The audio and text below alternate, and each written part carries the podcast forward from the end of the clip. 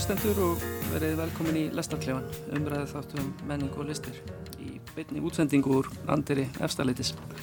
Það er förstu dagur og venju samkvæmt ætlum við að ræða hér um hennar ímsu menningarafurður sem búið að hafa hátt síðustu dag og vikur og hinga komin til að brjóta hitt og þetta til merkjar með mér eru þau Íris Ellendargar, sakræðingur, eh, Karl Ólafur Hallbjörnsson, heimsbyggingur og þau tvö sitja hér í örgri fjarlæð frá mér eh, en reglum samkvæmt er eitt gesta þáttanins með okkur á línunni svo hægt sé að verða tveggja metra regluna um, mér reiknast til á hans ég heila fjóra kílómetra frá okkur í beitni loftlínu vestur í bæ þannig okkur ætti að vera óhætt það er Júlia Hermannsdóttir, tónlistakona uh, heyrur í mér, Júlia? Já, ég heyri þér. Sæl, uh, verið vel, velkomin Takk fyrir. Takk. Takk. uh, Já, nú er uppi góðsendtíð sofakartöflunar þráttur allt, en maður ætlar að reyna að líta á björtu hliðarnar á, á, á ástandinu uh, og það er engin skortur á aðfinningar efni sem hægt er að njóta en að vekja heimilisins á þessum óvinnulegu tímum. Uh, við grátum það all mis mikið að komast ekki eins mikið út og áður en getum þó orðnað okkur við hátalara og skjái og kannski fundið einhverja hugun í. Uh, og það höfum við einmitt gert síðustu viku eða svo og í, á næstu 55 mínútum eða svo uh, ætlum við að ræða um útvarpsleikriti ferðalög eftir Jón Gnarr sem flutt var um páskan ára á sitt sjómarfþættina Unorthodox sem frumsyndir voru á Netflix á dögunum og að lókum tölvuleikin Animal Crossing sem kom út á besta tíma í miðjum heimsvaraldri uh, á, á leikitölunni Nintendo Switch. Og við hefjum leika með stuttri stiklu úr páskaleikriti eða fyrir páskaleikriti uh, Rásar 1 Útvarpsleikhúsið kynir ferðalög. Ég heiti Betty Lavander og, og ég er Dukes og ég er mjög góð í að gera það sem mér er sagt að gera og ég gera það vel. Já, ég er mjög afskiptasöm og mér finnst mjög gaman að setja í svona nefnd og banna fólki að gera það sem það vil gera. Svona hafa örlög fólks í hendinni. Ég er ekki bara sækjandi og verjandi, ég er líka dómari sem að, eða, eða við öll, ég gekk frá því við ráðherran og Vá, heyrðu, ég fæ nú bara smá standpínu að því að tala um þetta. Heyrðu, já, já, eigum við ekki bara að vinda okkur í að auglýsa dagskrála? Uh, já, í, Já. í auglýsta dag, eða vind okkur í auglýsta dagskrá. Æ, fyrir ekki, já. Já, er ekki bara annars bara frábært flott Já. flæði og hérna, ekki bara gera þetta aftur og bara... Heyrðu þið í aðarleikandum útvarpsleikritsins ferðalega með, Ferðalög eftir Jón Gnar í útvarpsleikhúsinu. með innskoti frá páska. höfundinum sjálfum, honum Jóni Gnar. Verkið er hásádeila og segir frá því að alþingi hefur sett ný lög um ferðalög Íslandinga til útlanda en lögunum er ætlað að koma í veg fyrir óþarfa ferðir til óörugra landa þar sem menningin samræmist ekki íslenskum siðum, trú og gildum. Þeir sem vilja fara til landa sem ekki er á landaskrá þurfa að sækja um ferðaheimild og þar tilgerðu eðublaði og með raukstunningi og senda svo til sérstakrar nefndar sem köllu er ferðalaga nefnd. Nefndin fer svo yfir umsóknir og samþykir að sinjar uh, með svona tilviljana kendum hætti uh, og í aðal hlutarkum eru Egert Tólvísson, Katrín Halldóra Sigurðardóttir og Þórið Birgisdóttir sem saman mynda ferðalaga nefndina en meðal annara leikenda eru Þorstir Guðmundsson, Saga Garastóttir og Jörundur Ragnarsson Uh, útdarfsleikusformið er alls ekki ókunnugt Jóni Gnar, hann hefur áratugum saman samið og flutt stittri sketsa og verk fyrir útdarp en ferðalögu eru hans þriðja útdarfsleikrit en mér skallast ekki um, hvernig fannst þér verkið? Uh, þannig að ég bara beini spurningunni til, til Karls, hvernig fór verkið í, í þig? Um, mér fannst verkið bara alltaf skemmtlegt. Mér fannst það vel skrifað og samtölinn virkuði náttúrulega fyrir mér. Uh, ég er kannski svona með uh, starri atvarsendur varandi bara svona markmiðið svona á starri skalanum. En svona á heilt og litið fannst mér það bara alltaf skemmtlegt. Mm. Markmiðin á, á stærri skalanum, segir við. Já, þess að uh, eiginlega hef ég svona verið að pæla í daldið hvert, hvert markmið eða hvert skotmark kannski háðs ádeilunar var. Mm Og Mér finnst að vera skýrt að það er mannanafnanönd. Er það ekki röglega rétt hjá mér? Já, manni finnst það svona að blasa við sko. Náttúrulega Jóngnar hefur átt í átti í svona, já, það var sitt að segja um mannalegna nafna nefnd um, um já, Einmitt. tíðina það kviknaði svona perunni hjá mér um, um mitt leikriti þegar ég fatt að það voru allir með nöfn sem voru einmitt, pössuðu eða ekki sem hljómuðu eins og mannarnefnd hefði ekki samtíkt þau Aha, Elvíra og Snæugla og Já. svo framvegis já, og Richard já, já, akkurat já. það er svona, þá klikkaði þetta hjá mér sko. og hinum á þessum ættanöfnum mm. -hmm. kryttað út í líka uh, en Íris, hvað eh, segir þú um leikritið? Já, um, mér fannst það alveg hressandi, allavega á köplum. Það er svona, náði mér kannski ekki alveg í byrjun og svo var ég orðanlega svona frekar spennt hana í, í öðrum og þriða þætti. Svo fannst mér svona pínu fjara út hana í, í fjóraða, það var svona svolítið, eða svona ég var ekki vissum alveg hvert, einmitt, hvert hann væri að leiða mig, kannski veit hann ekki sjálfur hvert hann var að fara, ég veit ekki.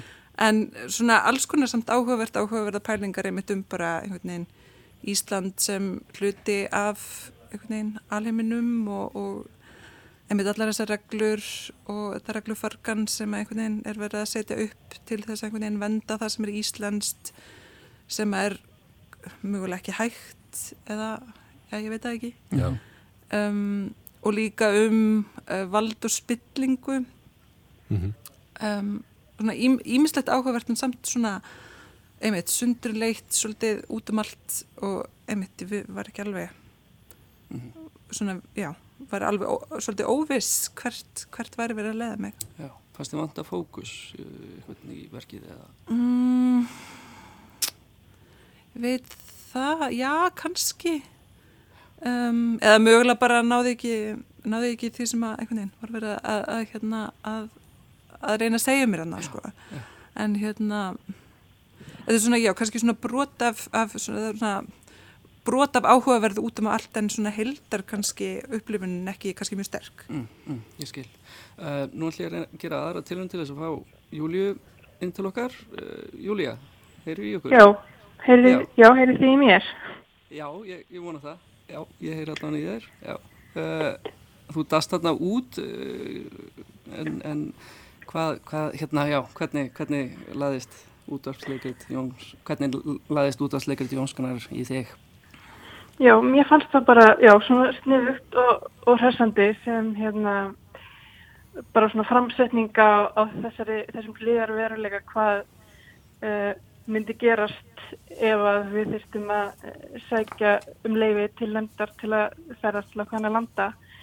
Um, og akkurat þessum tímum fannst mér mjög stressandi að hlusta á, á eins fárlegt og þessar aðstæði voru þá hugsa maður líka hvort núna ég meina hvað sem er geti gerst um, en já, en ég hafði samt bara frekar gaman af. Þó mér hafi fundist kannski uh, það mætti það hefði geta verið einum þætti stittra og samt komi einhvern veginn sínu bó- bóðskap áleiðis af því að mér var svolítið mikið af uh, svona endurtekningu á, á þessum nefndar hérna, fólkinu að tala um hva, hversu mikið það elskaði völd og að ráðskast með líf fólks og...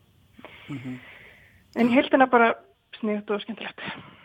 Akkurat, þetta er, er stílbræð sem að myndi einmitt þetta personurnar það er, það er svona töluðu mjög reglulega um það hvernig, sem sagt bara, bara lístu svona freka bókstaflega hvernig, hvernig personu uh, við komum til að hefða að geima fullkominni innlægni alveg bara. Ég já. elska völd. Mhm. ég elska að skemma líf fólks. Já, mér finnst ekkert betra en að taka bara fyrir hendurnar á fólki fyrir enga ástæðu. Já, ég þannig að gerði þetta aldrei tvíða karaktera sem að, ég veit ekki, kannski var það bara eitthvað sem leikriti þurfti eða ég veit ekki alveg, hvað fannst ykkur um það?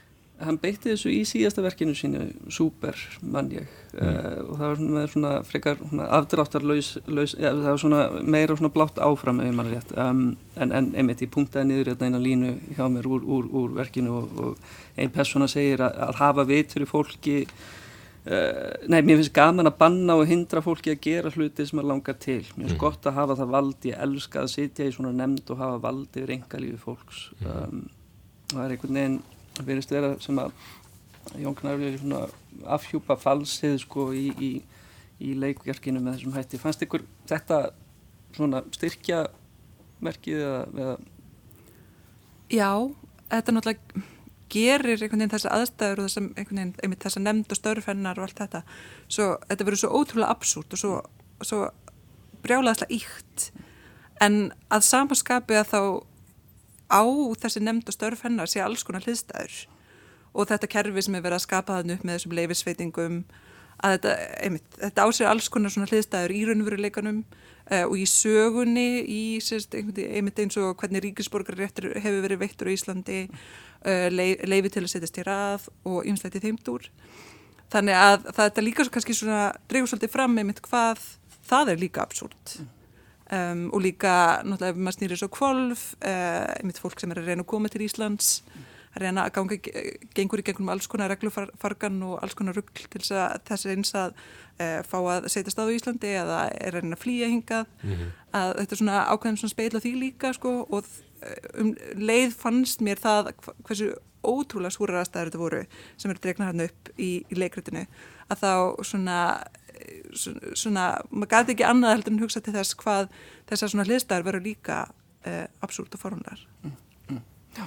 En svo kemur það einmitt sko, já, það er sem frasi að tala einu samtíman, sko, að það eru settar á hérna, hömlur hvað ferðarfrelsi snertir ákvörðat á þeim tíma sem að, sem að já, það er, það er búið að þrengja að talsveit að, að, að okkur uh, og hérna um, sko það er nefnilega svo er það, sko uh, það er Jón Gnar talaði um í nýlu viðtali að, að uh, það væri nú mestmægnis bara, bara bull og en svo væri nú, nú, væri nú einhver, einhver pæling, pælingar í þessu 99% bull og, og, og 1% pælinga ef mann er rétt uh, Júlia, finnst þið vera nú mikið bullað í ferðalögum?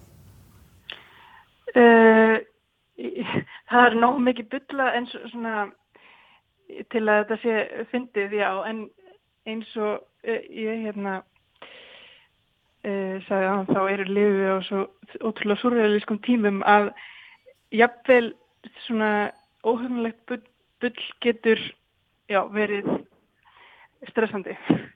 En svona ég veldi fyrir mér að því að þú veist núna er hef ég þú veist alveg stuð með tvíhöða og, og fórstbræðurum og svona þekki hans húmor freka vel og ég hugsaði stundum sko, væri þetta jafnvel finnara að ég, ég, mér finnst ég svo heyra sko leikaran að vera að tala í hans rödd og væri þetta jafnvel finnara ef hann væri sjálfur sagt, að fara með hann texta mm.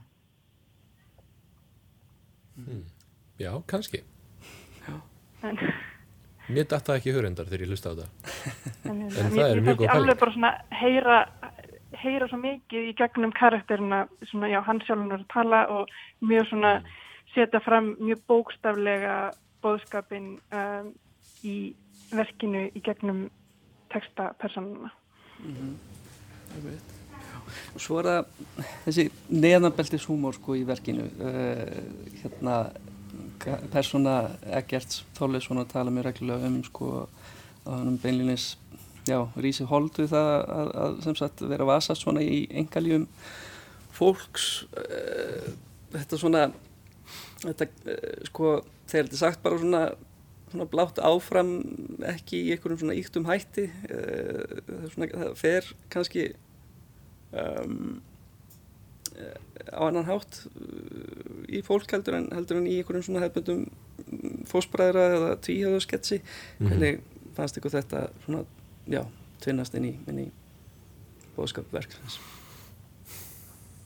Það var kannski svona þegar þetta byrjaði hann í lók fyrsta þáttar þá var ég bara, hm, býtur við hver er tilgákunum með þessu og þetta varð alveg svona kannski pínu, pínu langþreytt á tímubili mm -hmm. en svo náttúrulega bara einhvern veginn eins og, veginn, eins og verkið þróast að þá náttúrulega hefur þetta ákveðin tilgang í sögutræðinum að hérna, þannig að síðan verða ákveðin svona hagsmuna áreikstrar þannig að í, í, í lokin sem hefur áhrif á störfum nefndarinnar.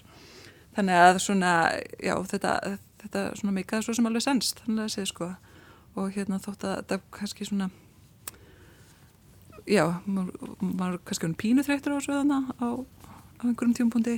Já, mér finnst þetta að vera smá svona, mér finnst þetta svo gaggrinnin væri smá einstrengingsleg ef þið skiljið hvað ég meina. Mér finnst þess að þetta ætti bara við þessa einu nefnd skiljið. Maður sæði ekki sko leikrið eftir Jóngnar sem hann málaði upp umfyralaga nefnd svona, skiljiði mig. Mér finnst þetta að vera aðeins of hnit með að skotmark. Mm. mér finnst þetta svo hann hefði getað farið aðeins breyðar um málefnið og tæklaði kannski bara skrifræði sem heild og stýringarsamfélagi sem heild einhvern veginn. Þið finnst það að vera oflitað af þessari persónulegu Já, þetta virkaði smá fyrir mér eins og þetta væri svona einhver æfingi katharsis fyrir hann sjálfan Mm, bara að fá að sleppa af sér beislinu og rauna yfir þessa tildegnu embætismenn sem eru bara illar skeppnur með holdris og þau veitir það var aðeins svo mikil karikatúra fannst mér. Hvað segir þú, Júlía? Já, ég er svona nokkuð sammála en mér fannst hérna það voru svona einstaklega mjög góðir punktar sem að koma henni í gegn eins og þegar hérna það er einn aðeili sem þarf endilega að fá sagt, leiði fyrir sínu ferðalagi af því að hann þekkir sagt, hann er tengdur hann að Richard nefndarmanni og sem er svo típist einkennandi fyrir hvernig hlutinni virka á Íslandi að þú þarfst að þekka eitthvað til að fá svona sérstaka afgriðslu eða, eða flýta hlutinum. Gegn heil íslenskur nepotismi. Já. og alveg bara svona raunverulegu dæmi sem að ég mitt hugsaði um þegar þetta atriði, hérna, þegar við erum hlusta, hlusta nokkulega þetta. Að þar sem að, hérna, já, þar sem að það- þetta á sér algjörlega hliðstæður þótt að maður sko í rauninni kannski ekki beri ekki svona skimbrað á það hvort að það hafi snúst um kynlíf eða eitthvað annað sko, eða þessi svona einhvern veginn það er hann greinlega einhver sem hefur, hef, hefur einhver ítök og hérna og sérst kann að nýta sér einhvers konar hagsmuna ástæð til þess að ná sínu fram. Að hérna að þá, já það, og ég kannski tengi ekki sko kannski ekki mjög mikið við það að mér finnst þetta að svona ein tilteki nefnd sé skotmark sko. ég var ekkert sérstaklega með eh, mannanamna nefnd sko bak veira þegar ég var að hlusta á þetta. Eh, kannski meira svona einmitt þess að nefndir þessar stofnir sem að snúa að einmitt ferðarfrelsi þannig að hérna eh, já, mér, fannst þetta virka ágætlega sem svona almenn ádela á vald og hvernig það virkar og sérstaklega hvernig það virkar á Íslandi í svona litlu samfélagi þar sem allir þekki alla ári tengdir. Einmitt. Um, já, ég held að við látum þetta gott heita hér uh, og myndum okkur yfir í næsta efni uh, sem eru sjónvastættinir sem er sjónvastættinir unorthodox en fyrst fáum við að heyra stutt brot úr þeim You escaped, didn't you? You make it sound like I was in prison. Weren't you? No, but I left without telling anyone. Why did you leave? God expected too much of me. Der Schatchen hat ungetrogen Eimetzen. Was für ein Bucher ist er? Ihr ist wie jeden einem. Geherig. Ich bin anders wie die anderen Mädchen. Antrashiski. Where I come from, there are many rules. Und sie ist da ein heilige Pflicht, sie mit keinem anderen Ruf nach My family just cares that I'm a good wife and mother. Ins müssen wir aufbauen, stimmt. Sie gefällt dir zu nicht. I had to get as far as possible for my community. So, will you help me? Í Unorthodox er sagt frá Esther, eða Esti Shapiro, 19 ára gammallir konu sem flýr samfélag bókstafstrúðara gýðinga í Williamsburg hverfi í New York, New York borgar til að hefja nýtt líf í Berlín. Næri móðu sinni sem hún hefur ekki haft samskipti við sín og er bann. Við tekur atbyrður ás þar sem Esti reynir að fóta sig í veraldlegri tilveru, fjarrri einangruð og íhaldsumur samfélagi þar sem hafi gengið í fyrirfram ákveði hjónaband með ungu manni. Þegar eiginmaður hennar kemst að því að hún er þunguð, ferðast hann til Berlínar á samt frænda sínum í vonum að finna hana og færa aftur til New York. Þætti þetta byggjast á sjálfsæfisögu Deboru Feldman, lauslega þó skils mér, en hún snýri sjálf baki við samfélagi strángtrúðara gýðinga. Frásögn hennar varpa ljósi á stöðu ungrar konu innan einangraðs samfélags þar sem konum er ætlað að vera bljúar eiginkonur og mæður. Esti dregst eins vera sköpuninni. Hún læri á píanu í leinum og það er í gegnum tónlistina sem hún myndar tengsl við hóp ungra nema í Berlín. Unorthodox uh, er úr smiðju Önnu Winger höfundar þáttana Deutschland 83 sem síndir voru á rúf fyrir um tveimur árum við góður undirtæktir en þessi nýja þátturöðunar hefur sleiðið rækileg gegn á Netflix. Er orðin um, svo, hálfgerðu sótt kvíjar smellur á heimsvísu sínist mér. Og margir keppast við að dásama þá. En hvað fannst þér Karl Ólafur?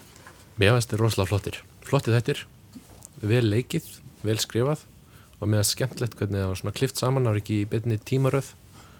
Uh, tónlistin góð, mér finnst það bara allt í allt bara freka gott staf mm -hmm. Já, Íris Já, ég er samanlega um, við finnst alltaf svona pínu svona erfitt að vera að hérna, taka fyrir eða sérst, fjalla um hóp sem er svona, svona framandi okkur sko að hérna þannig ég, ég, ég svona velti því pínu fyrir mér sko hversu svona representatíft þetta væri mm -hmm. og hvort það væri verið einhvern veginn að hérna svona að færa sér, færa sér nýtt framhandleika þessa hóps en um, bara mjög hressandi að hvað lítið var uh, á ennsku í mm. þessum annars sko uh, þessari þáttaröðu sem er gerast að, svona 50% í New York um, og uh, já, bara mjög, mjög svona hressandi fannst mér að hérna svona nýtt nýsín ábandrist samfélag og svona, já á, tiltekinn samfélagshóp í bandaríkunum sem að skýtur upp kollin svona alltaf svona reglulega í sérstaklega sjónvarsþáttum mm -hmm. uh, og þá oft í svona, svona mjög svona, já ein, einfaldan og svona, uh, já, takmark takmarkandi hátt mm -hmm.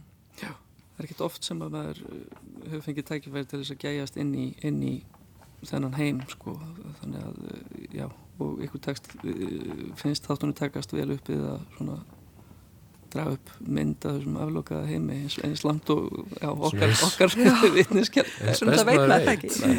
Já, já, En Júlia, þú varst nú búin að horfa á, á seríuna þegar ég hafði samband við þig? Já. Já. Hérna, já, það vil þannig til að ég, sem sagt, uh, þegar ég var í háskólanámi út í New York, þá bjóð ég alveg upp við þetta Satmar Geinga hverfi í Brooklyn, þar sem að sagan, sem sagt, á sitt upphaf. Og hérna, leifisæli minn var svona Hassidi uh, Geingur. Þannig að þó ég hafi kannski aldrei myndan einn rosalega náinn persónlegt kynni við þetta fólk, þá um, átti ég svona langvarandi ópersónlegt kynni við það. Og hérna, þannig að ég get svona eiginlega fullist að þessi þættir voru ekki að íkja það hvernig þau lifa en líka af þessum svona þessar ástæði af, út af þessum fyrir kynnu mínum við hennan hóp þá fannst mér ótrúlega áhugavert að fá að sjá þessa þætti sem eru beigðir á æfisögu um, af svona þeirra uh, já, lífi sem fyrir fram bak við lokaðir dyr og eiginlega enginn fær að sjá og maður alltaf, þú veist, pluss það að þau tala alltaf jittísku þannig að þó ég hafi setið hérna í lestum, þú veist, tíminum saman þá skildi ég aldrei hvað þau voru að segja heldur.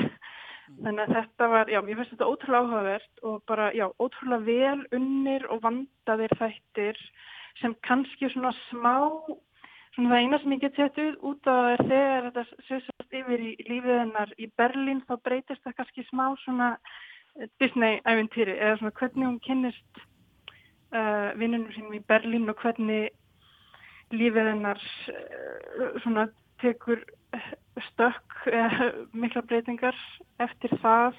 Það var kannski pínu, fannst mér óraunverulegt með við það sem fór á undan en ég skil líka að þú veist það er Berlinarflutin er, er eiginlega allir uppspunni og meðan hitt er allt byggt á æfisögu þannig að það er kannski skiljanlegt að þetta komur svona út og þau, þetta eru bara fjóri þættir þannig að við þurftu kannski svolítið að þjappa saman og láta allt gera svolítið hrætt en, en já, yfir höfu mjög uh, blottir þættir. Já, einmitt. Þetta er uh, góða punktur sko. SD er mjög utanveldu í samfélaginu í Williamsburg en, en hún er fyrir fljótað að fóta sig hérna í Berlín sko, og þetta er, þetta er bara sjón, þetta er sjónastáttur og, og, og skaldskapur sko. uh, en hún kemst þarna í, í samband við, við unga tónlistarnema og, og allir alveg íðilfagrir. Uh, ég, ég veit Bara ég- svo til. Já, bara vill svo til. Ég veit ekki hvort maður sé ósangjarn en sko, mér var hugsað til Beverly Hills þarna, sko, á, köplum sko eh, finnst ykkur þetta að það vera löstur á þáttunum eh, eða, eða hvað, hvað segir þú Karl? Ég veit ekki, ég er, ég er sammála að þetta hafi verið lítið svona kannski aðeins of hratt stökk hjá henni. Og að hún hafi fótað sig kannski aðeins of vel með að við hvað hún var alveg klúles sko. uh, og nei, mér finnst ekkert eitthvað beint fyrir að sérstakur löstur þáttunum að, að leikarnir séu svaka sætir. Maður býst svo sem bara við því. Uh, Leikarar eru yfirleitt sættir.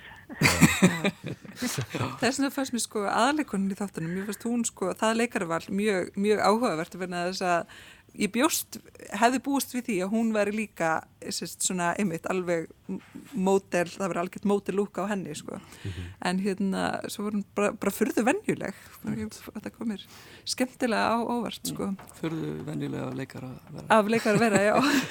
Eða svona leikara í, í þáttaröðu sem að gerist af miklu leiti í bandaríkinum það sem að allir virðast alltaf vera íðilfagrir og það er hún, hún Shira Haas sem fer með þetta aðalhutverk uh, sem hún, hún, hún Esti, hún sýnir mikla stjórnutakta í þessum þætt- þáttum uh, eða hvað, finnst þér það ekki, Júlia? Jú, ég- hún bara algjörlega stilu sinnunni og, og einmitt, hún er kannski ekki alveg með þetta hefðbundna ameríska leikara lúk en það er hún frá Ísrael ef ég skildi það rétt. En hérna, en mér varst hún samt ótrúlega flott og ótrúlega veginn svag, með þetta svagalega ekspressífa andlit og getur einhvern veginn uh, já, bara komið til skila svo miklam tilfinningum án þess að svona, já, mjög látlausan hátt.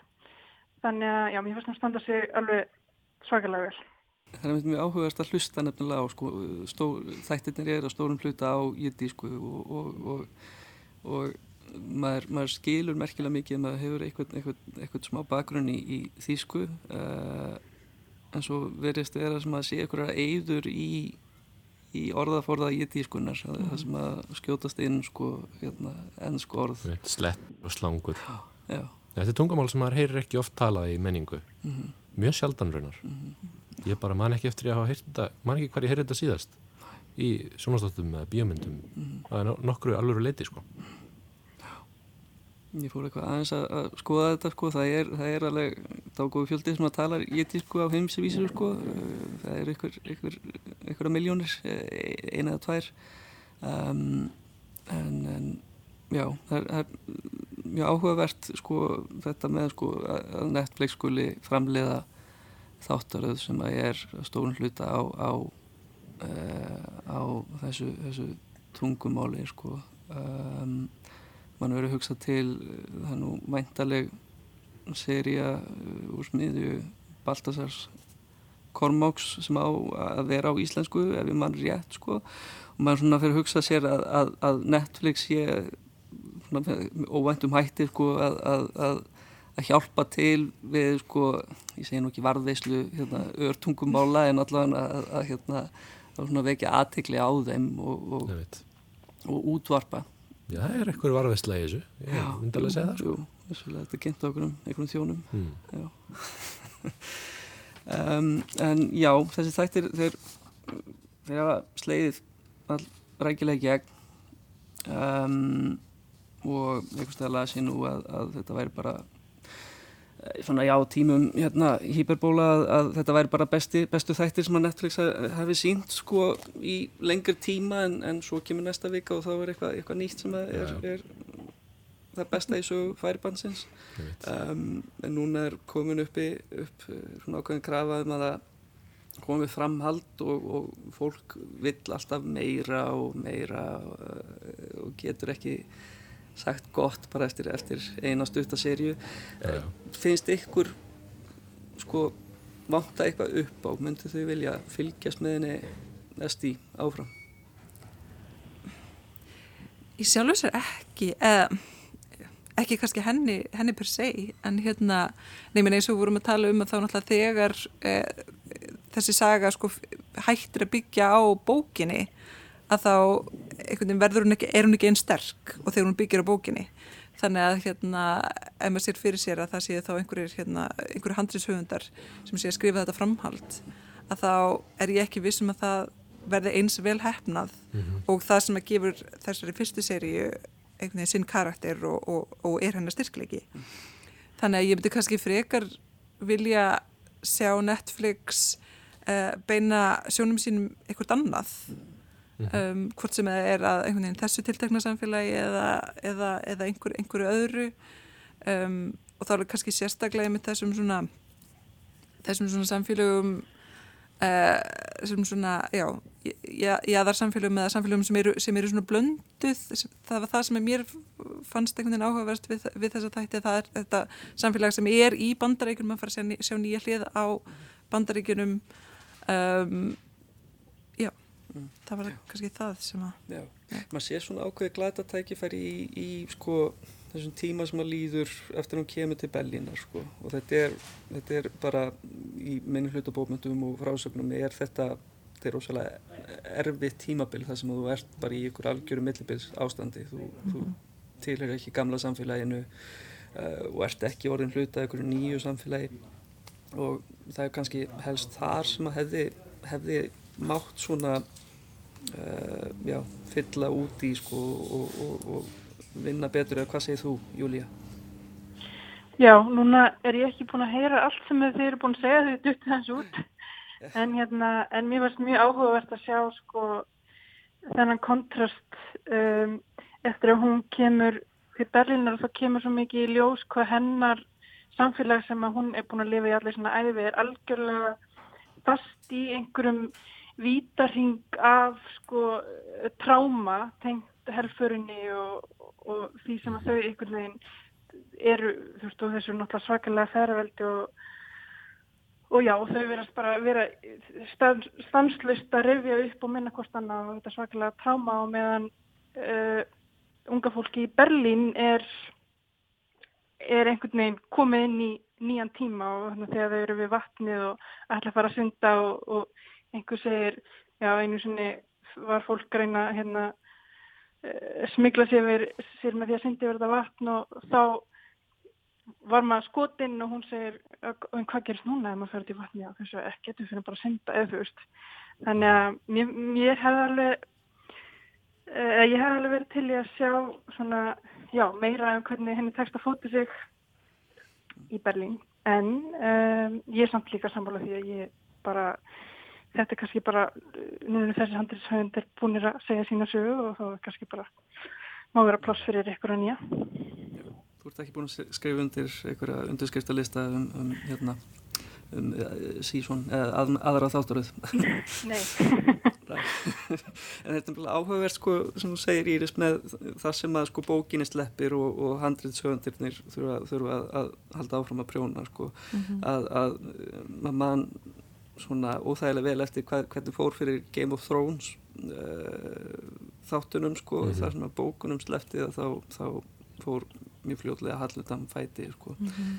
um, það er mögulega er þetta einhvern konar dæmi um sko að, að já, um leið og rá, ráöfnið uh, já, um leið og þurfti að, að, að semja eitthvað nýtt utan á ráöfnið að þá hafi brunnurinn kannski ekki verið alveg nógu djúpur. Mm. En ég held sko að það sem þið voruð að nefna í mittskilju, það, það hefði verið áhuga, áhugaverð serja nummið tvö, að hvernig henni tekst að fóta sig sko hérna einmitt sem eh, mannski sem nýflutt til Berlínar einmitt úr þessu samfélagi yfir í allt annað samfélag um, mjög ykkar sko, eins og kom fram í þessar stiklu hana, sem, sem þú spilaði fyrir okkur sko, það hvernig hún er einhvern veginn uh, bæði að einhvern veginn lýsa sínu samfélagi sem kúand en samt líka um leið að verja það kakvart öðrum sem að vilja setja hana í eitthvað svona stereotypist boks sko, að það fannst mér líka áhugavert þannig að sko ef þau hefðu kannski svona klift þarna þegar hún voru komið til Berlínur og síðan haldið áfram aðra seríuna þar einhvern veginn að hérna án þess einhvern veginn stopp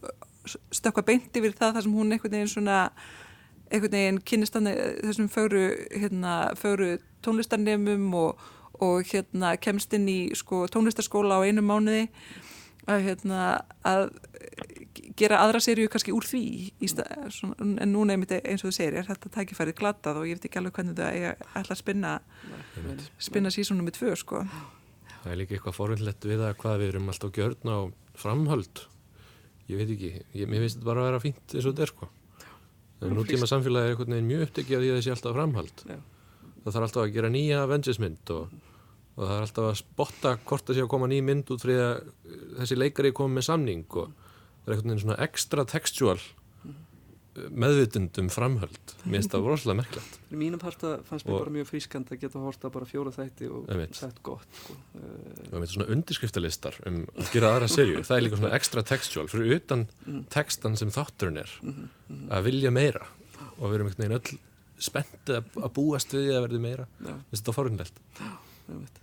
En svo veltum maður fyrir sér sko hvernig þetta horfir við, við áhórendum sko uh, myndið sem er dregin upp af, af samfélagi bókstafstrúðara uh, gýðingar sko. Mm. Það er alltaf, það er tendens til að, til að sko að, að uh, búa til einhver íllmenni uh, sérstaklega þegar, að- þegar að þú veist að sækja í einhvern heim sem að er lokaður af fyrir öðrum um, og, og sko hvernig finnst ykkur það takast upp í þáttunum er, er þetta svona finnst ykkur þetta sangjörn mynd eða, eða er gengið of langt í ykkur, ykkur ég segi ekki skrýmslavæðingu en sem að búa til ykkur ílmenni Mér fannst þáttunum ganga mjög vel. Já, Já, Júlía. Nei, hérna, nei, já, ég ætlaði bara að segja að mér fannst að mitt þætturum ganga mjög vel að sína að þessi heimur er ekki bara svart og hvít, eða þú veist, að þetta eru fyrst og fremst manneskjur eins og, eins og hún segir þegar hún heyrir óvart vinkonum verið að segja bara eitthvað, já, konunnar hafa engin réttindi og eru bara útungunum velar og hún sem er í sjálfu sér einhver einföldun á raunveruleikunum en hún kemur og segir ég er ekki útungunum vel, eða þú veist, að því að Já, he- hún er ekki svartkvít mannski, það er þarna rosa mikið grátt svæði og, þú veist, og það er alveg, það er ekkert allir, þú veist, það er gott fólk inn í þessum samfélögum þó það sé kannski, já, bundið niður af einhverjum eh, ótrúlega óuppbyggilegum hefðum og, og tráma sem að, já, er aftræði frá því að, þú veist, vera frjálst. mér fannst þáttunum ganga mitt mjög vel doldið eins og þú ert að segja með að setja upp sko rítúlin og valdastruktúrana sem slíka sem það sem er ábótavand fremur en að gera skrýmslu úr personum sjálfum sko. Mm. Viti, það er rosalega stækt feðraveldi og það er allir í rosalega uh, eiginlega bara í spennitreyjum allan tíman og það verðist einhvern veginn engum líka uh, og það er bara svona þessi tráma hugmynd ríkjandi þau sitja þarna í leikarðinum og eru að tala um að sálir hérna döðu séu alltaf með þeim sko. Ofsalur sársöki sko og það Já. er, það er minnst á það sem sagt í tengslu við sko við barneignir að, að, að það er þessi hryllilega byrði sem er lögð á, á, á konur að, að, Það þarf að byggja upp aftur þjóðina. já, allar þær miljónir sem að töpuðust í Mhm. helfurni Já. það sem ég fannst einmitt þessi stætti gera vel er sko uh, einmitt að sína þetta sam, samfélag í svona sæmilegum svona smáatriðum það eru margir karakterar sem að koma þarna fyrir sem að, þessu samfélagi og þess vegna er rými til þess að hafa þá uh, karakterar alls konar. Og það eru þarna einmitt einhverjir svona, svona frekar svona frekar mísemna personur sem manni, manni líkar mjög illa við. Uh, en þannig er, þannig er alls konar fólk og maður sér einmitt uh, svona fara svona kynnast einmitt uh, kynnast þeim sem, sem manneskjum með alls konar kosti en líka alls konar galla Uh, og það er, það er rými til þess að hafa þarna ílmenni en, en vegna þess að það eru alls konar annars konar karaktera líka þannig að, að það er ekki verið að hérna, sérst, einhvern veginn demonisera um, þetta samfélag þótt að þarna séu þarna séu þarna séu líka svarti söðir sko. Mhm. og það, ski, það skiptir, skiptir mjög miklu máli að það sé breytt þegar verið að uh, representa uh, jað, jaðarsetta hópa eða svona, já það, þá skiptir, skiptir má- máli að hafa marga karaktera til þess að þú getur sínt ólíkar hliðar. Já, alveg samla Akkurat. Uh, nú verðum við að láta gott hitta hér en uh, við heyrum lítið tóndæmi til að koma okkur í gýrin fyrir næsta umræði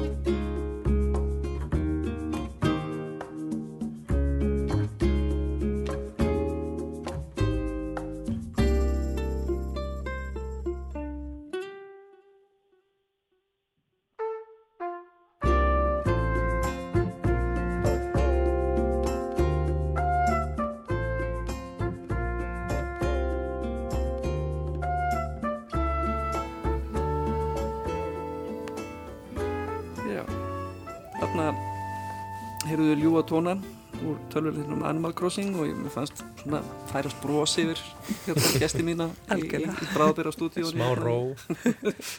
í aðstæðleitinum um, en já, þetta var sem sagt megin stef tölvuleiksins Animal Crossing sem hefur í sálgæslu fyrir marga í farsóttinu sem nú gengur yfir.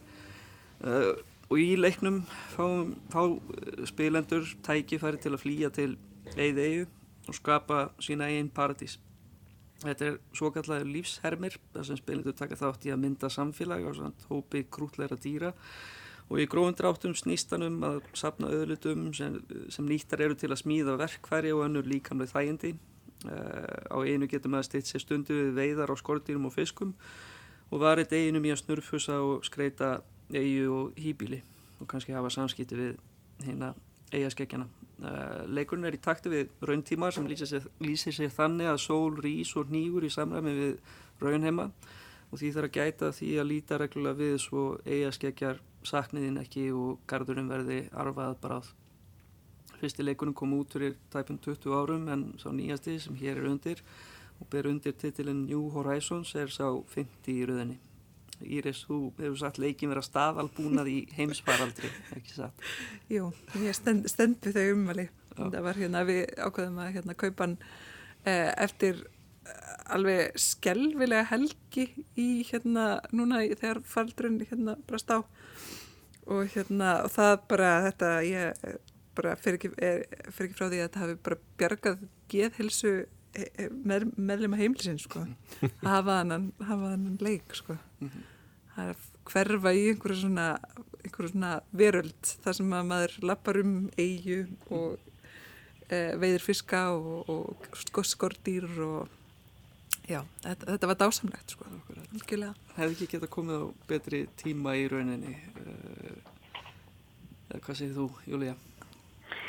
Já, það er alveg satt en það, það er svo kannski svolítið merkilega við það að leikurinn átti að koma út í fyrra mm. og hérna og ég sem, sem spilaði síðasta leik mjög mikið sem kom út fyrir 8 árum núna uh, var búin að hlakka mikið til og var mjög vonsvikinn þegar Nintendo tilkynnti í fyrra að leiknum er frestað um cirka ára því að í takt við svona bóðskap þessar leiks þá ætluðu þau að að passa að það var ekki of mikil pressa á sínu starfsfólki og þurfti ekki að lengja vinnudagin á þeim sem er náttúrulega mjög góð ástæða. En þeir hefðu eiginlega ekki geta veðjað á betri sagt, útgáðudag heldur en akkurat bara þegar samkomiðbann var ný skollið á og ég held að já, þessi leikur er búin að seljast meira en Pokémon uh, leikurinn þeirra núna sem er bara svakalegt afreg og hann algjörlega stendur undir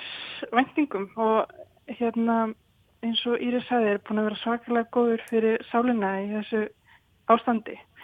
Svo ég minnst nú ekki á að það er hægt að hitta vini sína að hann á þessum eh, grundvöldi og þú veist þegar allir eru þreyttir eftir að hafa verið á Zoom-fundum í vinnunni allan daginn og geta ekki mögulega að hugsa sér annan Zoom-fund þá er bara hægt að vera einhver svona lítill krullu karakter í Animal Crossing og veiða fisk saman og slappa Já, já, sko ég sæði þér á þann að í leiknum getum að skapa sína eigin paradís sem að ég veit ekki alveg hvort ég geti tekið undir að fullu sko því þarna í miðju eigunar er, er marðarhundurinn Tom Nook sem er fastegna mókull sem ljúflega samfæriði um að skuldsetja þig fyrir gríðarmiklum uppæðum til að, til að viðhalda lífstílnum á eiginni og, og það, sko mögulega maður fann að ofhugsa þetta sko en, en ég, ég, ég get ekki aðeins gert en, en sko farið í, í þá gröf að, að hérna agnúast út í, út í kapitalískan veruleika því ég er að dunda mér á eiginni Já, ég held að, ég held að þetta sé mitt ekki kapitalísku veruleiki. Okay.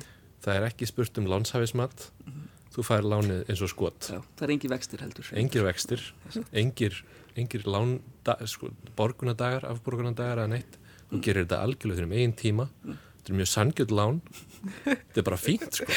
Ég er sáttur við Tom Nook ég er Nook í fender sko. Já, þú getur slepptið að borga láni algjörlega og þú, það er ekki Þú getur bara búið í tjaldi. Já, Já, maður getur verið tjaldi, jú, já, kannski er þetta bara, bara mín eigin meinloka. Um, nei, nei, ég hugsaði alveg nákvæmlega það saman, sko, og ég er alveg vissum að einhver staðar er reikvilt bakherbyrgi, sko, þar sem einhverjir, vafasami díla fara fram á þessari eigi, sko. Maður er núna farin að braska með einhverjar, einhverjar næpur og alls konar eitthvað svona, alls konar eitthvað skrítið í gangi, sko, þegar maður svona fyrir lengra inn, inn, í, inn í leikin, sko. Ég sé fyrir skuldsettu fyrir, sko, hálfur í miljón, hérna, bjalla sem er gjaldmiðl leiksin sko. og jú, eins og þú segir Karl ég, ég þarf ekkert að borga þetta upp en, en þetta er samt þarna Svo náttúrulega byrjar þetta þannig að maður þarf sko að borga fyrir ferðina hérna á, á eiguna og ég myndi mig óþægilega mikið á mannsal það er alls konar eitthvað seiti í gangi að það bak, bak við tjöldin sko en bara ég, ég bara læta það eins og vind meirin þjóta meðan þessi faraldur gengur yfir og bara held áfram að það selja næpur og gera alls konar.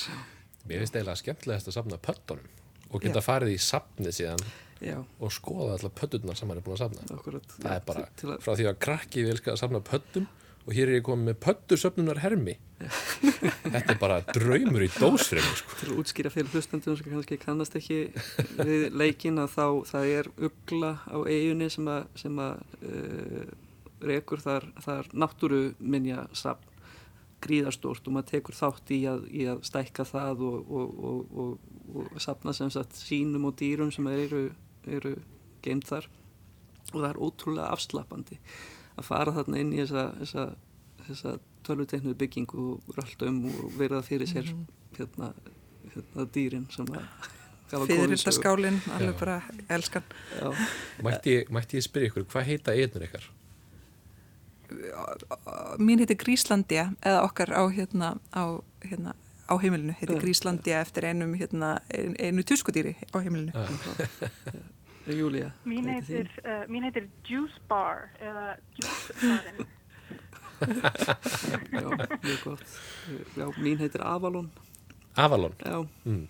uh, Ég ætla ekki að fara frekar út í það. Er það ekki úr einhverju fantasíu? Þetta er, uh, jú, jú, jú Þetta er, þetta er hérna, Rittara Rínborðsins eitthvað, eitthvað Artur, já, eitthvað. Mín heitir Elandris eftir fantasíu vísindaskálsöf eftir Brandon Sanderson sem ég var að klára um daginn. Já. bara vildi svo til að ég klára hana og mm -hmm. fekk leikin á samtíma Ég heyri að þið eru öll með einhverju miklu dýbri vísanir og aftilfjörður að hugsa ég held aftilfjörður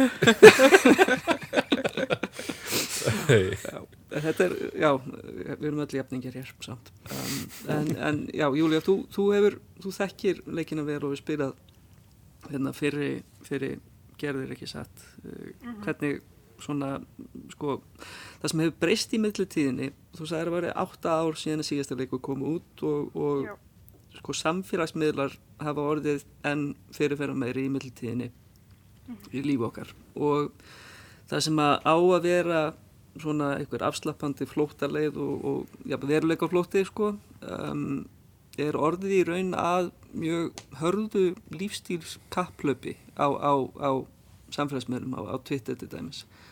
Og, og ég, ég get ekki að gert að mér líður alltaf mjög ítla með, með, með eiguna mína þegar ég, ég slýsast til þess að sjá sko, sko þá ótrúlegu vinnur sem fólk er búið að leggja í í hýbíli sínin í leiknum sem er mjög sérkynlega tilvinning uh, en, en hvað segir Júli, hvernig sko hvað hva, hva, hva finnst þér um þessi, þessi áhrif?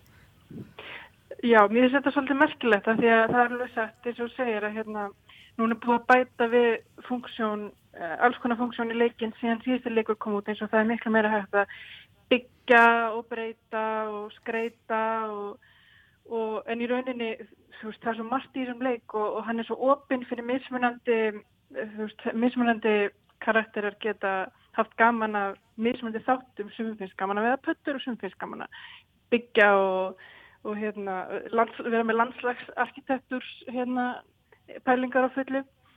En hérna, en kannski svona, það eina sem er hægt að setja út, eða sem að margir setja út á le leikin er að hann svolítið neyðir þetta fólk sem er yfir mjög miklu kapplupi að gera flottustu eigina sem hraðast til að hæja á sér. Og það er svona alls konar þú þarf að fara í rosalega, gegnum rosalega mikið að samtölum við hérna lillu dýravinniðina til þess að ná ákveðnum hlutum áfram. Og þetta getur verið pyrrandi ef þú ert bara eitthvað að reyna að selja pötuna þínar og nennir ekki alveg að hlusta augluna að segja þér allt um hérna sögu þróuna söguna.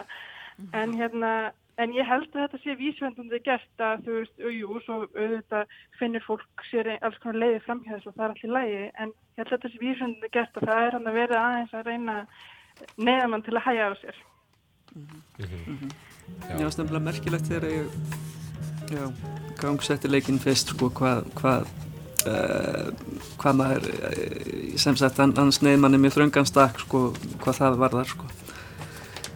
Uh, Nú er verið að spila okkur út.